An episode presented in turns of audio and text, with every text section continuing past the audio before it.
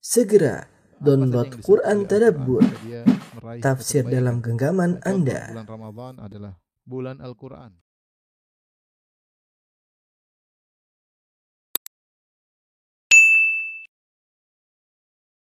Bismillahirrahmanirrahim. Assalamualaikum warahmatullahi wabarakatuh. Alhamdulillahi ala ihsani wa syukru lahu ala taufiqihi wa amtinani wa asyhadu an la ilaha illallah wahdahu la syarika lahu ta'ziman li sya'ni wa asyhadu anna Muhammadan abduhu wa rasuluhu da'ila ridwani. Allahumma salli alaihi wa ala alihi wa ashabihi wa ikhwani. Eh, Rekan-rekan sekalian yang dirahmati oleh Allah Subhanahu wa taala, Eh, Alhamdulillah pada kesempatan kali ini Allah masih memberikan kita kenikmatan, nikmat iman, kesempatan untuk bisa duduk bermajelis ilmu. Semoga pertemuan kita diberkahi oleh Allah Subhanahu wa taala dan dicatat sebagai pemberat timbangan kebajikan kita di akhirat kelak yang kita tidak tahu kapan kita akan dipanggil oleh Allah Subhanahu wa taala.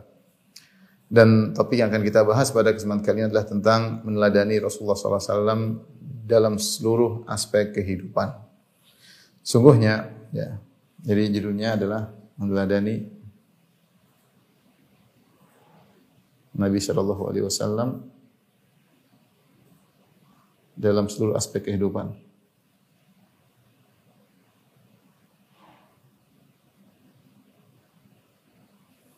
Eh, sungguhnya eh, Rasulullah Shallallahu Alaihi Wasallam adalah nikmat, ya, yang Allah berikan kepada umat manusia. Qad manna Allahu 'alal mu'minina idz ba'atha fihim rasulan min anfusihim. Sungguh Allah telah memberikan anugerah kepada kaum mukminin tatkala Allah mengutus kepada mereka seorang rasul dari diri-diri mereka. Rasul yang sifatnya kata Allah Subhanahu wa taala laqad ja'akum rasulun min anfusikum azizun 'alaihi ma 'anittum harisun alaikum bil mu'minin raufur rahim. Sungguh telah datang kepada kalian seorang rasul dari kalian, azizun alaihi ma anitum yang di antara sifatnya dia merasa berat apa yang memberatkan kalian. Azizun alaihi ma anitum, harisun alaikum dan sangat semangat sifat kedua, dia sangat semangat untuk memberikan kebaikan bagi kalian. Bil mu'minina raufur rahim. Dan dia sangat uh, rauf, sangat berkasih sayang sangat mengasihi orang-orang yang beriman. Makanya dalam riwayat Rasulullah SAW mengatakan, Ana rahmatul muhdah. Aku adalah rahmat Allah yang dihadiahkan, ya, anugerah kepada kalian. Ya. Wa ma arsalnaka illa rahmatan lil alamin. Tidaklah aku utus engkau wahai Muhammad kecuali sebagai rahmat bagi alam semesta. Oleh karenanya syariat ya, menjadikan uh, tolak ukur Islam seseorang dengan sejauh mana dia mengikuti Nabi Shallallahu Alaihi Wasallam. Sejauh mana dia mengikuti Nabi maka menunjukkan bahwasanya Islamnya semakin semakin tinggi dan menunjukkan dia semakin cinta kepada Allah Subhanahu Wa Taala. Allah Subhanahu Wa Taala berfirman, "Qul in kuntum tuhibbunallaha fattabi'uni yuhibbukumullah wa yaghfir lakum dzunubakum wallahu ghafurur rahim." Katakanlah wahai Muhammad kepada uh, mereka yang ngaku-ngaku cinta kepada Allah, yang ngaku Islam, yang ngaku-ngaku telah beriman, in kuntum tuhibbunallah, jika kalian benar-benar mencintai Allah, fattabi'uni, maka ikutilah aku. Jadi Rasulullah adalah barometer. Standar seorang cinta kepada Allah atau tidak, standar Islam seorang, standar iman seorang. Fattabi'uni, maka ikutilah aku. Ittiba'lah kepada Nabi SAW. Itu teladani aku. Fattabi'uni, yuhibbukumullah maka niscaya Allah akan mencintai kalian wa yaghfir lakum dzunubakum dan Allah akan mengampuni dosa-dosa uh, kalian. Uh, karenanya Allah mengatakan bahwasanya Nabi sallallahu alaihi wasallam ya, adalah orang yang harus paling kita cintai daripada seluruh umat manusia. Ya. La yu'minu ahadukum hatta akuna ahabba ilaihi min waladihi wa walidihi wa nasi ajma'in. Tidaklah beriman salah seorang dari kalian sampai aku yang paling dicintai. Lebih daripada anaknya, lebih daripada orang tuanya, lebih daripada seluruh manusia. Kita harus mencintai Nabi lebih daripada yang lainnya. Mencintai Nabi berarti mencintai ajaran-ajarannya. Mencintai Nabi berarti mengikuti ya teladan-teladannya. Ya. Kenapa harus lebih mencintai Nabi daripada seluruh manusia? karena jasa Nabi kepada kita sangat besar. Benar kedua orang tua memiliki jasa yang besar kepada kita. Dengan ada kedua orang tua, kita bisa wujud di alam semesta ini. Kita bisa merasakan kehidupan. Dan jasa orang tua merawat kita ketika masih kecil. Jasa mereka sangat besar. Tetapi jasa Nabi jauh lebih besar. Kenapa? Karena kita baru bisa bahagia di dunia dan akhirat setelah kita mengenal ajaran-ajaran Nabi SAW. Seorang tidak akan bahagia di dunia kecuali mengikuti ajaran-ajaran Nabi SAW dan dia tidak akan mungkin bahagia di akhirat kecuali mengikuti ajaran-ajaran Rasulullah Sallallahu Alaihi Wasallam. Oleh karenanya, dialah sosok yang harus kita lebih cintai daripada seluruh umat manusia, lebih daripada ayah, lebih daripada ibu, lebih daripada anak-anak kita. Dan dialah rahmatul muhdah. Nabi adalah kasih sayang Allah yang Allah anugerahkan kepada umat manusia. Tapi kita akan bahas tentang hendaknya kita meneladani Nabi SAW dalam seluruh aspek kehidupan. Ini uh, beberapa yang harus diperhatikan ya.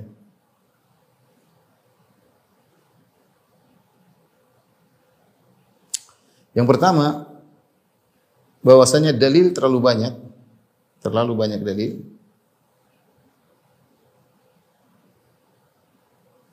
Yang memerintahkan taat kepada Nabi. untuk taat kepada Nabi sallallahu alaihi wasallam.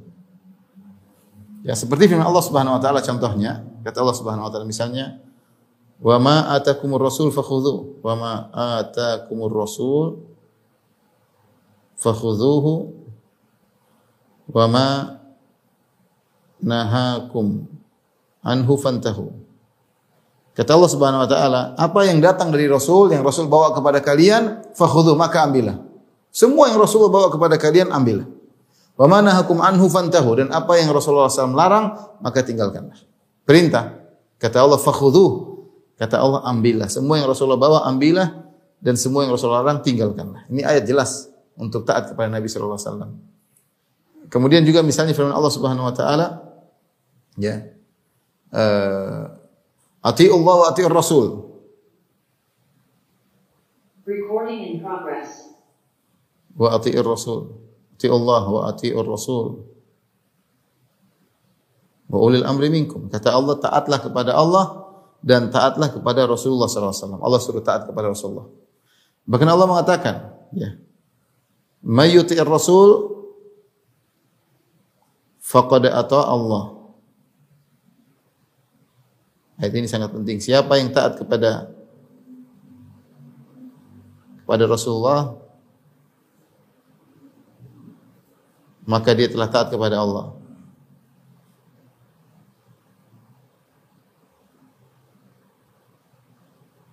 Maka dia telah taat kepada Allah Subhanahu wa taala. Contoh lagi dengan Allah Subhanahu wa taala. Ya. Wa ma kana lil mu'minin wala mu'minatin idza qada Allah wa rasuluhu amran ay yakuna lahumul khiyaratu min amrihim.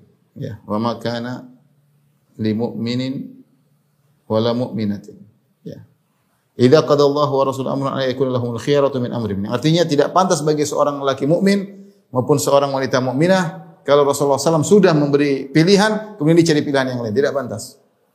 Rasulullah SAW sudah memberi pilihan, sudah mengajarkan sunnah, kemudian dia memilih pilihan yang lain. Tidak pantas. Allah juga berfirman. Contohnya dalam Al-Quran, Kata Allah Subhanahu wa taala, "Fala wa rabbika la yu'minun." Fala wa rabbika la yu'minuna hatta yuhaqqimuka ma shajara bainahum. Thumma la yajidu fi anfusihim haraja mimma qadaita wa yusallimu taslima. Kata Allah Subhanahu wa taala, demi Rabbmu, Allah bersumpah dengan dirinya. Kata Allah, demi Rabbmu wahai Muhammad, la yu'minun, mereka tidak beriman hatta yuhaqqimuka fima syajara bainahum sampai mereka menjadikan engkau hakim pada perkara-perkara yang mereka perselisihkan. Setelah mereka menjadikan engkau sebagai hakim, thumma la yajidu fi anfusihim harajan. Kemudian mereka tidak mendapati dalam diri mereka perasaan tidak enak terhadap keputusan. Wa yusallimu taslima dan mereka benar-benar pasrah terhadap keputusanmu. Ini baru benar kita berkata raditu billahi rabba wa bil islami dina wa bi Muhammadin rasula. Aku ridho Allah sebagai Tuhanku, aku ridho Islam sebagai agamaku, aku ridho Muhammad sebagai Rasul dari Allah Subhanahu wa taala, utusan Allah. Sehingga kalau Rasulullah SAW sudah memberi keputusan, tidak ada sedikit pun gerundel dalam hati enggak ada. Wa yusallimu taslima benar-benar pasrah dengan keputusan Nabi. Itu baru Anda adalah hamba Allah. Anda ridho kepada Nabi SAW sebagai seorang Rasul. Dan orang seperti ini baru merasakan nikmatnya iman. Kata Nabi SAW, Dhaqa ta'amal iman. Man radiya billahi rabba. Wa bil islami dina. Wa bi Muhammadin rasulah. Telah merasakan manisnya iman orang yang ridho Allah sebagai Tuhannya. Islam sebagai agamanya. Rasul sebagai nabinya. Kenapa saya ungkapkan hal ini? Karena kita hidup di zaman banyak orang suka protes terhadap sunnah Nabi. Banyak orang mengaku Islam tapi dia tidak setuju dengan hukum Islam. Banyak orang mengaku Islam tapi Al-Quran tidak dijadikan pegangan. Dia tidak ridho Islam sebagai agamanya. Secara fisiknya menunjukkan demikian. Meskipun lisannya dia mengatakan saya cinta kepada Allah, saya beragama Islam. Nabi Muhammad SAW meskipun dia solawatan, meskipun dia maulidan. Tapi banyak di antara mereka ketika sudah datang sunnah Nabi dia tidak dia tidak ambil. Tidak ambil.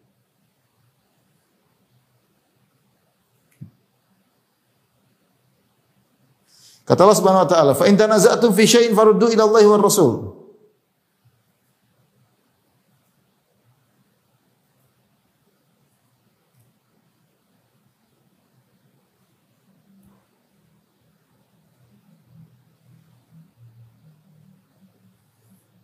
In kuntum tu'minuna billahi wal yawmil akhir. Dzalika khairu ahsanu ta'wila. Kata Allah, jika kalian berselisih dalam suatu perkara, perkara apa pun, fa in tanaza'tum fi syai'in, jika kalian berselisih perkara apa pun, farudduhu ila Allah wa Rasul, kembalikanlah kepada Allah dan Rasulnya. Kalau ada masalah, kembalikan kepada Allah. Al-Quran, kembalikan kepada Rasulullah dan hadis-hadis Nabi SAW. Kalau kalian benar-benar beriman kepada Allah dan hari akhirat. Ya. Allah juga berfirman, Ya ayyuhalladzina amanu la tuqaddimu baina yadayillahi wa rasulih. Ya ayyuhalladzina amanu. La tuqaddimu baina yadillahi wa rasulih. Wattaqullah. Innallaha sami'un alim. Di awal dari surat Al-Hujurat. Kata Allah orang-orang yang beriman, janganlah kalian mendahului Allah dan Rasulnya. Wattaqullah bertakwalah kepada Allah. Apa kata para ulama? Yaitu janganlah kau berbicara kecuali kau sudah melihat perkataan Allah dan Rasul. Jangan kau berfatwa kecuali kau setelah melihat apa perkataan Allah dan Rasulnya. Jangan kau berhukum kecuali setelah kau melihat hukum Allah dan Rasulnya. Jangan kau mendahului punya ide menurut saya lebih bagus ini daripada hukum Allah dan Rasulnya. Enggak boleh. Ayat yang seperti ini banyak sekali dalam Al-Quran, apalagi hadis-hadis Nabi SAW. Imam Ahmad mengatakan sekitar 30, kurang lebih, kurang lebih 30 ayat yang semisal ini. Memerintahkan kita untuk taat kepada Nabi SAW. Taib. Ini menunjukkan bahwasanya meneladani Nabi dalam segala aspek bukan hanya alternatif, bukan alternatif, tapi yaitu keharusan Anda untuk mengikuti Nabi dalam segala aspek kehidupan.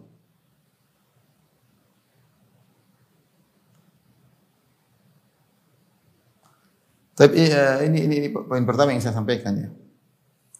Jadi uh, kita disuruh mengikuti Nabi SAW. Dan perhatikan ayat-ayat ini semua, perhatikan. Ini ayat semuanya. Semuanya umum. Yaitu harus ikut Nabi dalam segala hal. Harus meneladani Nabi dalam segala hal. Perkara dunia maupun perkara akhirat. Perkara akhirat ya, maupun dunia ya. Karena dunia banyak yang diajar oleh Nabi SAW ya. Memang benar Nabi bersabda, antum alam bi umuri dunyakum. Kalian lebih paham tentang urusan dunia kalian. Tapi ada aturan-aturan dalam urusan dunia. Nanti akan kita jelaskan. Kita harus mengikuti aturan-aturan tersebut meskipun dalam urusan dunia.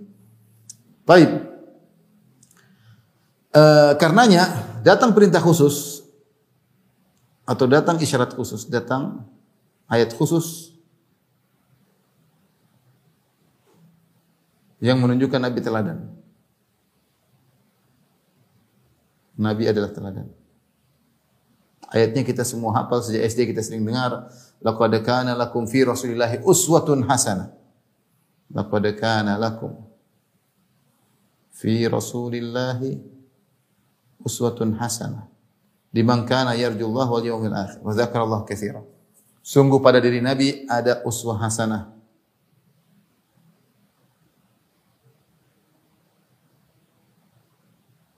ada teladan yang baik.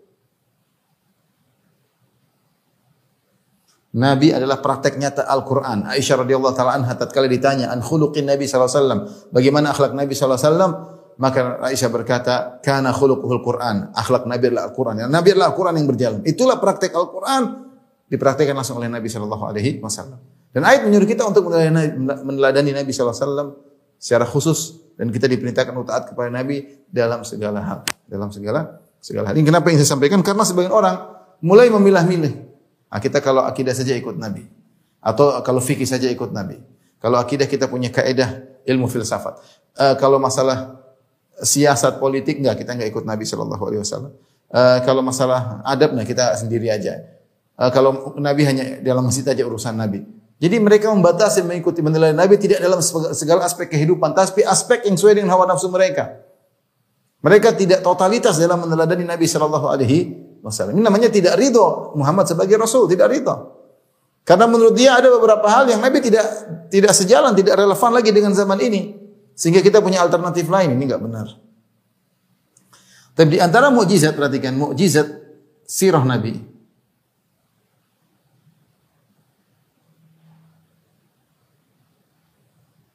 Sallallahu alaihi wasallam. ya, mujizat sirah Nabi yang mencakup segala sisi kehidupan.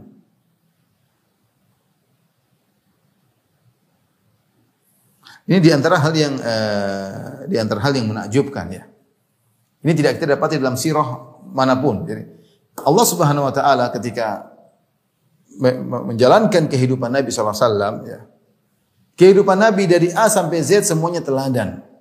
Jadi semua teladan. Sampai Allah bersumpah dengan umur Nabi SAW. Kata Allah, la amruka innahum la fi sakratihim ya'mahun.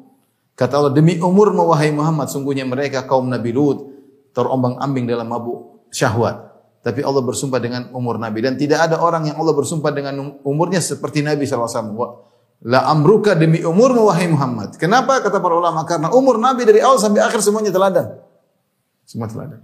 Karenanya barang siapa yang menelaah sirah Nabi SAW dari awal sampai akhir, dia dapati sirah Nabi mencakup seluruh aspek kehidupan. Benar. Lengkap. Kita bandingkan dengan sirah misalnya sejarah Nabi-Nabi yang lain. Nabi Musa alaihissalam misalnya. Nabi Musa sirahnya tidak lengkap, tidak terjaga sirahnya. Kemudian dia tidak menjalani segala aspek kehidupan. Dia bukan seorang kepala negara misalnya. Sehingga kalau ingin mencontoh kepala negara tidak ada contohnya. Nabi Musa bukan kepala negara. Ya. Kemudian dia tidak pernah masuk dalam medan pertempuran misalnya sehingga bagaimana adab dalam bertempur tidak bisa kita contoh dari Nabi Musa alaihissalam. Banyak hal yang tidak bisa kita contoh dari Nabi Musa alaihissalam karena sisi kehidupannya tidak komprehensif. Demikian Nabi Isa alaihissalam, apalagi Nabi Isa alaihissalam. Dia hanya teladan dalam sebagian sisi, tidak seluruhnya karena Allah tidak membuat skenario kehidupannya yang komprehensif. Lihat Nabi Muhammad SAW. Kenapa kita disuruh mengikuti Nabi dalam segala aspek kehidupan? Karena kalau kita perhatikan sirah Nabi SAW lengkap. Ya. Nabi SAW dalam sirah perhatikan. Ya. Nabi sebagai Nabi SAW ya sebagai perhatikan dia sebagai apa? Sebagai ayah. Dia seorang ayah. Kalau anda ingin menjadi ayah yang baik, ikutilah Nabi Shallallahu Alaihi Wasallam. Dia adalah seorang suami. Kalau ingin menjadi suami yang terbaik, dialah Nabi SAW contohnya, suami terbaik. Khairukum khairukum li ahlihi wa ana khairukum li ahli. Sebaik-baik kalian adalah uh, yang terbaik bagi istri dan aku adalah suami yang terbaik. Nabi SAW mengatakan demikian. Dia adalah teman bagi para sahabat. Kalau ingin tahu bagaimana bersahabat yang baik, lihatlah bagaimana praktek Nabi terhadap para sahabat-sahabatnya. Bagaimana perhatian kepada mereka, bagaimana Nabi tidak pelit kepada mereka, bagaimana Nabi SAW ya perhatian sama mereka luar biasa. Sahabat terbaik bagi sahabat yang lain adalah Muhammad sallallahu alaihi wasallam. Lihatlah dia ternyata ya, ya kepala negara, kepala negara. Seorang ingin menjadi kepala negara yang baik, contohi Nabi sallallahu alaihi wasallam. Dia kepala negara yang terbaik. Dia seorang pasukan yang terbaik ya, panglima perang yang terbaik. Yang terbaik ya. Contohnya Nabi SAW. Seorang yang jadi panglima lihat bagaimana taktik perang Nabi SAW. Taktik perang Nabi SAW. Bagaimana dia menghadapi musuh yang berbagai model dalam perang Badar, dalam perang Uhud, dalam perang Khandaq, berbagai macam model perang. Bagaimana kebijakan Nabi dalam menghadapi itu semua. Beliau adalah majikan bagi pembantu. Ingin majikan yang baik, lihat bagaimana Nabi SAW sebagai seorang majikan. Bagaimana Nabi punya pembantu namanya Anas bin Malik radhiyallahu anhu. Bahkan Nabi juga punya pembantu seorang gulam Yahudi, pemuda Yahudi. Lihat bagaimana sikap Nabi terhadap pembantunya. Semuanya ada pada Nabi Shallallahu Alaihi Wasallam. Mau jadi apa? Semuanya ada contohnya. Nabi mencontohkan itu semua. Bagaimana dalam bermuamalah semuanya telah dicontohkan oleh Nabi SAW. Makanya uh, kalau kita apa namanya perhatikan sirah Nabi SAW, Nabi adalah teladan dalam semua hal. Sebagai bapak teladan, sebagai suami teladan, sebagai teman teladan, sebagai kepala negara teladan, sebagai panglima teladan, sebagai majikan teladan. Kemudian, kemudian seluruh sisi akhlak Nabi adalah teladan. Allah mengatakan ya Nun wal qalami wa ma yasturun ma anta bi ni'mati rabbika bimajnun wa innaka la ala la ajr wa inna la ajran ghairu mamnun wa innaka la ala khuluqin azim. Sungguhnya kau berada di atas akhlak yang terbaik. Mau contoh orang yang paling dermawan dialah Nabi wasallam. Mau contoh orang paling pemberani dialah Nabi sallallahu alaihi wasallam. Mau contoh orang yang paling berbuat untuk orang lain dialah Nabi sallallahu alaihi wasallam. Mau contoh orang paling jujur dialah Nabi sallallahu alaihi wasallam. Mau contoh orang paling sabar dialah Nabi Shallallahu Alaihi Wasallam. Semua. Jadi memang subhanallah skenario dari sirah Nabi SAW luar biasa. Allah buat kisah Nabi itu Allah sudah takdirkan dengan sedemikian rupa sehingga dia komprehensif. Sampai-sampai Ibnu Hazm rahimahullah mengatakan barang siapa yang menelaah sirah Nabi Shallallahu alaihi wasallam maka mau tidak mau dia pasti masuk Islam. Dia pasti mengetahui Nabi yang sesungguhnya. Kalau dia telah asirah Nabi dengan sesungguhnya. Jadi ini ini yang membuat kita semakin. Jadi kita mau contoh apa saja ada. Membuktikan akan hal ini, ikhwan akhwat yang rahmatillah subhanahu wa taala, kelanjutan dari hal ini. Karenanya ya,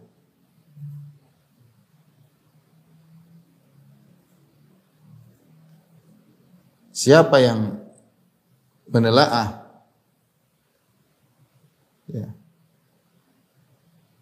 fikih Islami dia akan tahu bahwasanya bahwa ajaran Nabi lengkap. Sallallahu alaihi wasallam lengkap. Oleh karena saya pernah baca buku atau pernyataan seorang Yahudi bernama David Santalina. Dia punya buku tentang dia orang Yahudi tapi dia tinggal di Tunis dan dia pakar madhab Maliki. Dia belajar tapi dia tidak masuk Islam. Sehingga dia punya buku tentang fikih Maliki. Dia dia orang yang melihat karangan dia menyangka dia orang alim orang alim Islam. Ternyata dia tetap saja orang orang kafir. Tapi dia mengakui bahwasanya Islam sudah cukup, tidak perlu dengan syariat yang lain. Tidak perlu. Karena semua sudah dibahas. Makanya saya katakan siapa yang menelaah fikih Islami dia akan tahu bahwasanya ajaran Nabi lengkap. Win, coba dia.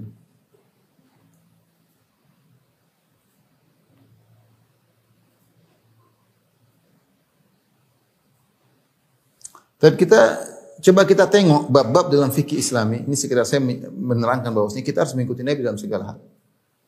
Ya. Uh, pembahasan Islam pembahasan eh, ajaran agama Islam.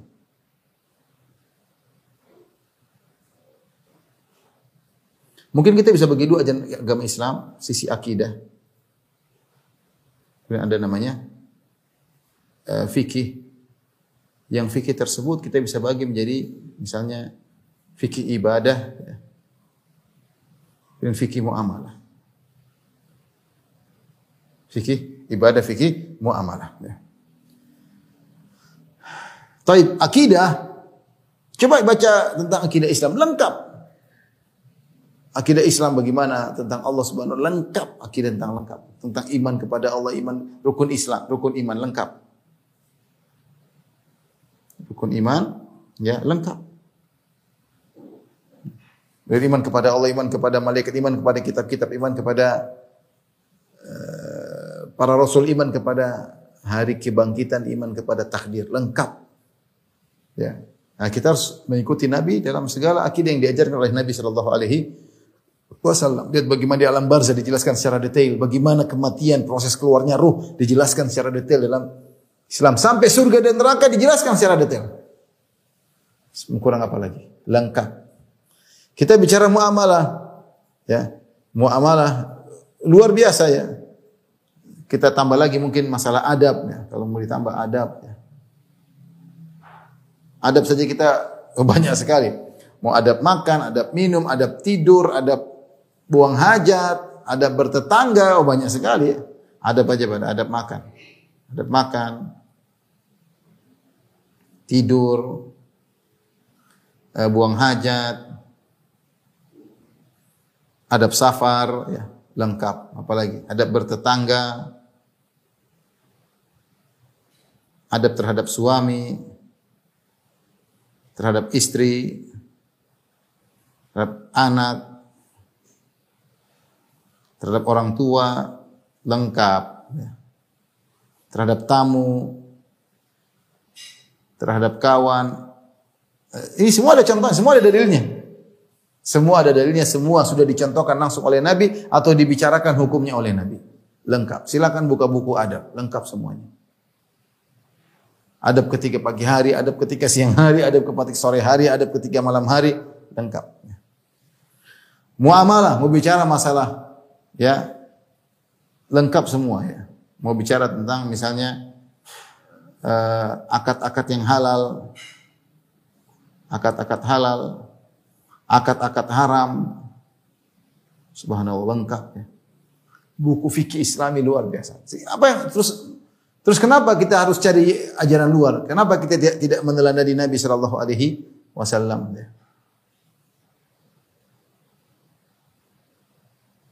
Belum kita bicara tentang misalnya muamalah keluarga ya fikih usrah ya. Kalau kita mau pisahkan misalnya fikih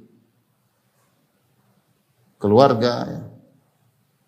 Lengkap dari bagaimana ta'aruf ada aturannya, nazar dan macam-macamnya, ada fikihnya, terus bagaimana uh, proses pernikahannya, kalau terjadi eh, begini-begini lengkap semuanya. Bagaimana kalau terjadi pertentangan atau pertikaian antara suami dan istri, bagaimana terjadi perceraian, ada cerai, ada talak, ada khulu, ada fasakh, lengkap semuanya. Lengkap. Bagaimana kalau cekcok keluarga, bagaimana menghadapinya? Lengkap. Bagaimana metode islami dalam menghadapi problematika rumah tangga. Bagaimana jika seorang lagi kemudian memiliki lebih dari satu istri. Dijelaskan dengan detail. Semua dicontohkan atau diucapkan oleh Nabi SAW. Ya, lengkap. Kita bicara ibadah, ibadah lengkap mau dari rukun Islam, salat, ya, puasa, kemudian zakat, haji, lengkap semuanya ibadah. Bahkan ada fikih jinayat, ya. kriminal, ya, misalnya, fikih jinayat kriminal. Bagaimana kalau terjadi kriminal atau pelanggaran? Bagaimana kalau orang membunuh? Bagaimana kalau orang melukai? Bagaimana kalau orang mukul, matakan? Lengkap semuanya. Misalnya giginya patah lengkap. Dan subhanallah. Bahkan fikih ya terhadap musuh. Sikap terhadap musuh. Musuh ya. Lihat Nabi SAW, Allah skenarikan bagaimana hidup Nabi SAW. Nabi SAW pernah hidup bersama non muslim dalam kondisi damai. Ya. Nabi pernah hidup dalam kondisi satu negara satu negeri negara dengan non muslim dengan orang kafir. Seperti kondisi Nabi ketika di Madinah. Ketika Nabi di Madinah Nabi datang mendapatkan komunitas tiga komunitas. Komunitas musyrikin komunitas Yahudi komunitas kaum Ansar. Tiga komunitas ini awal Nabi datang. Masih ada orang musyrikin, orang-orang suku Aus, suku Khazraj yang tidak mau masuk Islam. Suku Aus, suku Khazraj kalau masuk Islam, mereka jadi kaum Ansar. Itu berjalan sampai perang Badar, tiga komunitas. Kemudian berubah jadi dua komunitas. Kenapa? Karena orang-orang musyrikin tadi masuk Islam jadi orang munafik.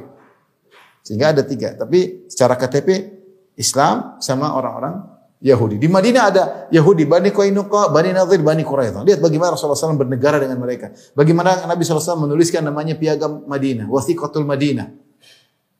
Yaitu surat perjanjian antara pihak Islam dengan pihak non-muslim, dengan Yahudi. Jika ada musuh yang berperang. Mereka dituliskan ada poin-poinnya. Diriwayatkan dalam hadis-hadis yang sahih dan juga diriwayatkan hadis-hadis yang dhaif. Tapi Nabi contohkan bahwasanya bisa saja kita bernegara dengan orang yang selain agama dengan kita, lengkap. Terhadap musuh, ya. terhadap musuh. Ada berbagai kondisi. Terkadang misalnya dalam kondisi perang. Nabi contohkan. Dalam kondisi perang. Dalam kondisi damai. Gencatan senjata.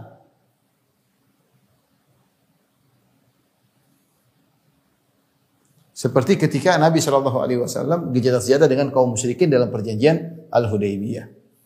Jadi maksud saya, semua sudah ada contohnya. Tidak ada celah bagi kita kita mengatakan saya ingin ikut Nabi saja dalam uh, urusan misalnya akidah, ada pun urusan politik dalam urusan dunia saya enggak.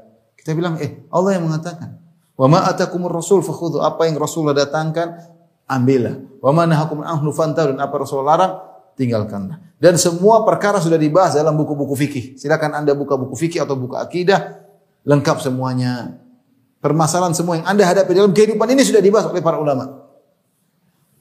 Sudah dibahas oleh para para ulama. Sehingga dari sini ikhwan dan akhwat yang rahmatullah subhanahu wa taala, wajib bagi kita untuk mencontohi Nabi wasallam dalam segala hal. Kalau kita ingin bahagia, ikuti Nabi sallallahu alaihi wasallam. Sufyan berkata, "Ini istata'ta alla tahukka ra'saka illa bisunnah faf'al." Kalau kau mampu tidak menggaruk kepalamu kecuali ada dalilnya maka lakukanlah. Itu seorang berusaha untuk mencari dalil dalam segala kegiatannya. Di antara ulama yang terkenal ya setiap mendapatkan hadis dia amalkan adalah Imam Ahmad rahimahullah taala. Imam Ahmad menyebutkan kalau dia meriwayatkan hadis dia berusaha mengamalkan hadis tersebut. Padahal berapa puluh ribu hadis dalam Musad Imam Ahmad yang diriwayatkan oleh Imam Ahmad. Berarti berapa puluh ribu amalan yang dikerjakan oleh Imam Ahmad. Sampai suatu hari dia melewati suatu hadis Nabi SAW ihtajama Nabi sallallahu alaihi wasallam wa a'ta al-Hajjam Abu Taibah dinaran. Sampai dia melihat satu hadis di mana Rasulullah sallallahu alaihi wasallam pernah berbekam, kemudian Rasulullah SAW memberikan upah kepada pembekam satu dinar, empat seperempat gram emas.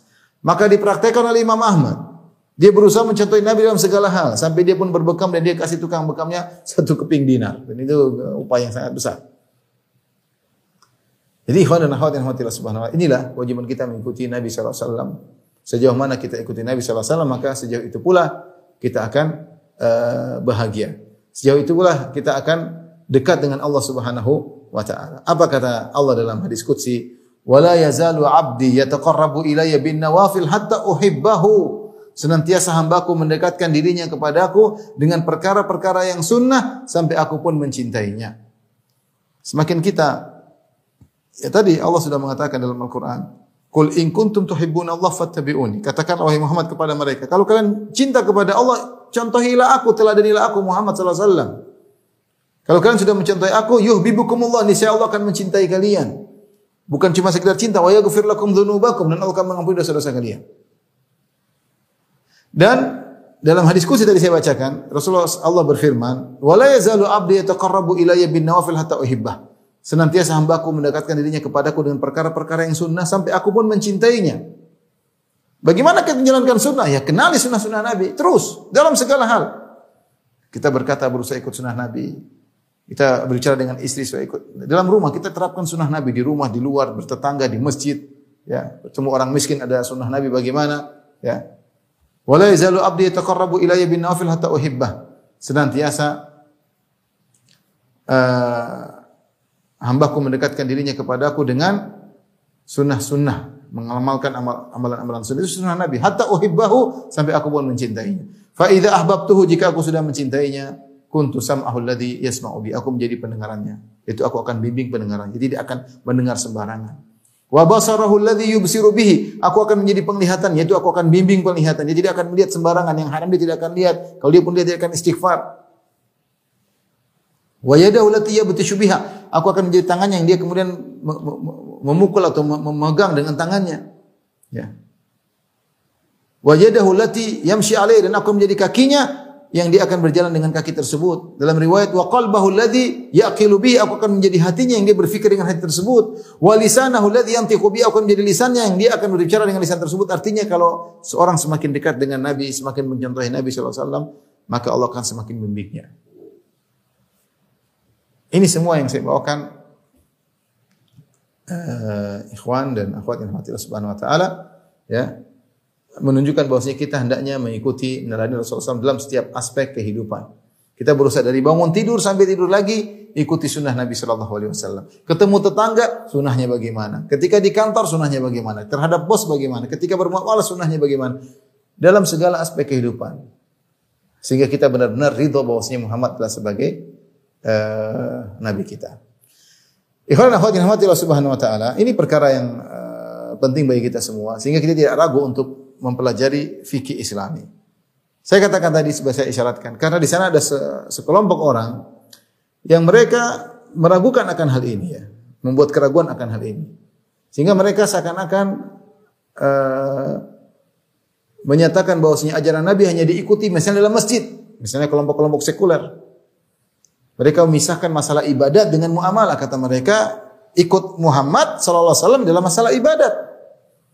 Adapun dalam masalah muamalah enggak kita punya jalan sendiri. Apalagi sudah bicara masalah misalnya hubungan antar negara, hubungan enggak kita enggak ikut. Ini ini enggak benar. Ajaran Islam sudah lengkap komprehensif. ya.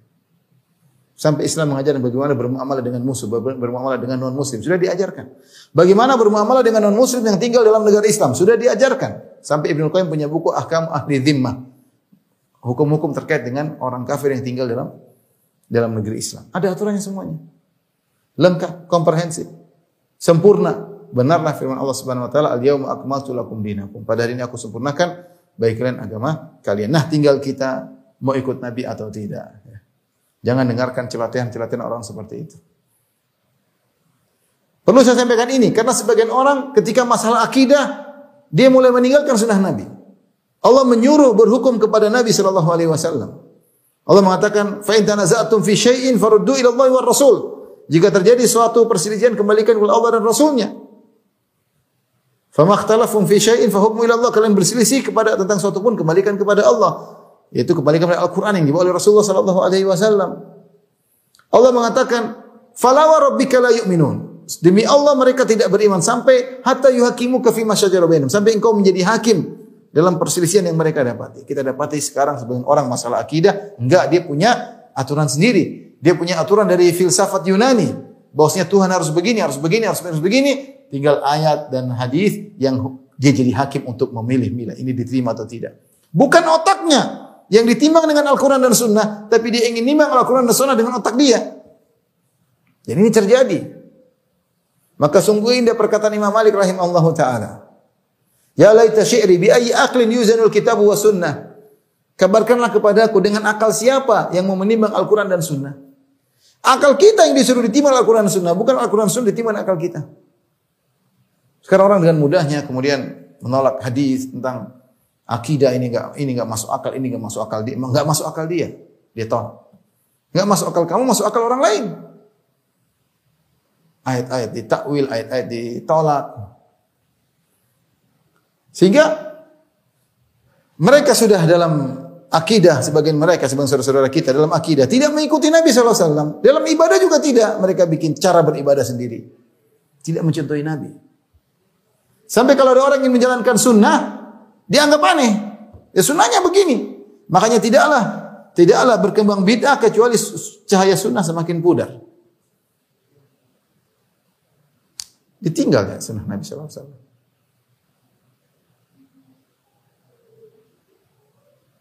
berbalik. Contoh sederhana saya bilang, misalnya sunnah, apa yang dilakukan sunnah ketika orang meninggal dunia? Sunnahnya kita bantu. Kata Nabi SAW misalnya, dalam hadis, Ista'u ta'aman li Ali Ja'far, fa innahu qad atahu ma yushghiluhum. Buatlah makanan buat keluarga Ja'far karena mereka dalam kondisi lagi sibuk yaitu sedih orang tua mereka meninggal. Sehingga sunnahnya para sahabat buat makanan berikan kepada. Namanya orang lagi musibah kan memang kita bantu. Coba ketika sunnah dibalik, sunnah tidak dikerjakan malah kebalikannya. Buat acara-acara acara yang merepotkan orang yang meninggal. Dan kita bilang sunnahnya, coba jelaskan pada sunnahnya dulu, jelaskan. Kerjakan sunnahnya bagaimana. Nah ketika seorang melakukan suatu perbuatan yang tidak sunnah, sunnah tertutup, orang tidak kenal sunnah. Akhirnya orang terkena musibah semakin sulit. Harus buat acara dua, satu, dua, tiga, empat, lima, enam, tujuh itu gak gampang. Yang tidak pernah diperhatikan oleh Nabi Wasallam, tidak pernah diperhatikan oleh para sahabat, tidak pernah diperhatikan oleh empat imam. Tidak ada. Tahu-tahu sekarang jadi wajib. Kalau tidak ada yang melakukan, dikatakan menyimpang dan sesat. Dan ini terjadi. Jadi kita ridho Muhammad sebagai Rasul Sallallahu Alaihi Wasallam maka kita berusaha menjalankan segala sunnahnya. Dalam akidah kita ikut sunnah Nabi Sallallahu Alaihi Wasallam. Dalam ibadah kita ikut sunnah Nabi Sallallahu Alaihi Wasallam. Tidak perlu kita bikin ibadah-ibadah baru. Ya. Dalam muamalah kita ikut Nabi Shallallahu Alaihi Wasallam. Nabi Shallallahu Alaihi Wasallam kalau bicara muamalah luar biasa. Ya. Berapa kali saya sering sampaikan tentang wasiat-wasiat Islam terhadap para pekerja. Ya. Tentang harus jujur, harus amanah, ya. harus sesuai dengan kesepakatan. Ya. Dengan dijelaskan oleh Nabi SAW, harus tawakal kepada Allah Subhanahu Wa Taala. Tawakal yang benar bagaimana? Bagaimana hati bersandar kepada Allah dalam mencari rizki. Ya Bagaimana yang halal harus ditempuh, yang haram ditinggalkan, lengkap semuanya.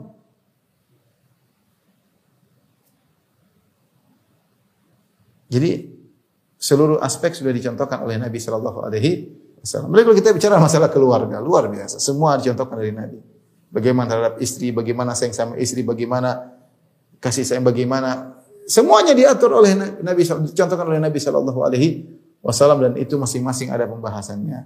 Dari sini ikhwan dan akhwat yang dirahmati oleh Allah Subhanahu wa taala, maka tidak usah ragu agar kita meneladani Nabi SAW dalam segala hal. Tinggal kita sejauh mana kita ikut sunnah Nabi SAW. Mulai sekarang kita tata diri kita, pelajari Islam. Kita sekarang statusnya sebagai apa? Saya sebagai pekerja. Apa sih ajaran Islam tentang sebagai pekerja? Saya sebagai ASN atau PNS. Apa sih yang harus saya kerjakan sebagai PSN. Apa sih kewajiban saya yang diatur dalam Islam? Saya sebagai pejabat, pejabat bagaimana sih dalam Islam? Pelajari. Saya sebagai seorang ustadz, bagaimana sih ustadz yang seharusnya dalam Islam yang diajarkan oleh Nabi Shallallahu Alaihi Wasallam? Ya. Saya sebagai seorang istri, apa sih wasiat-wasiat Nabi terhadap seorang istri dalam bersikap terhadap suaminya? Ya. Bagaimana sih ibadah yang harusnya kita kerjakan di malam hari, ibadah di siang hari? Apa sih yang harus saya lakukan terhadap orang tua saya, kepada kakak, kepada adik saya? Ada adab-adabnya, diperhatikan, dipelajari. Bagaimana sih adab sesungguhnya saya terhadap dengan tetangga? Bagaimana sih adab saya terhadap orang yang mendolimi saya? Bagaimana sih kalau saya hidup bertetangga dengan orang non-muslim? Adabnya bagaimana? Semuanya lengkap. Semuanya lengkap. Tinggal kita mau jalankan atau tidak. Semakin kita berusaha mengenal sunnah-sunnah Nabi dan menjalankannya, semakin Allah mencintai kita dan semakin kita dijaga oleh Allah Subhanahu wa taala. Alhamdulillah Islam sudah sempurna, kita tidak butuh dengan ajaran-ajaran dari yang yang lain yang penuh dengan kekurangan dan tidak uh, tidak lengkap. Jadi inilah ikhwan dan akhwat yang rahmatillah subhanahu wa taala, saya hanya sekedar memberikan uh, gambaran yang global bahwasanya wajib bagi kita untuk meneladani Rasulullah SAW dalam segala hal karena semua sudah diajarkan oleh Nabi Shallallahu Alaihi Wasallam. Tidak ada satu perkara pun yang dihadapi oleh uh, kita dalam kehidupan sehari-hari kecuali ada sunnah ya. Sunnah yang harus dikerjakan seperti apa? Adabnya bagaimana ya? Ajaran Islam bagaimana dalam hal ini dan semua sudah dibahas oleh para ulama dalam buku-buku fikih yang panjang-panjang ya. Uh, secara detail oleh para para ulama. Tinggal kita belajar kalau kita tidak tahu atau kita bertanya kepada para ulama yang mengetahui akan hal tersebut. Taib demikian saja yang sampaikan kurang lebih mohon maaf. Wabillahi taufiq wal hidayah. Assalamualaikum warahmatullahi wabarakatuh.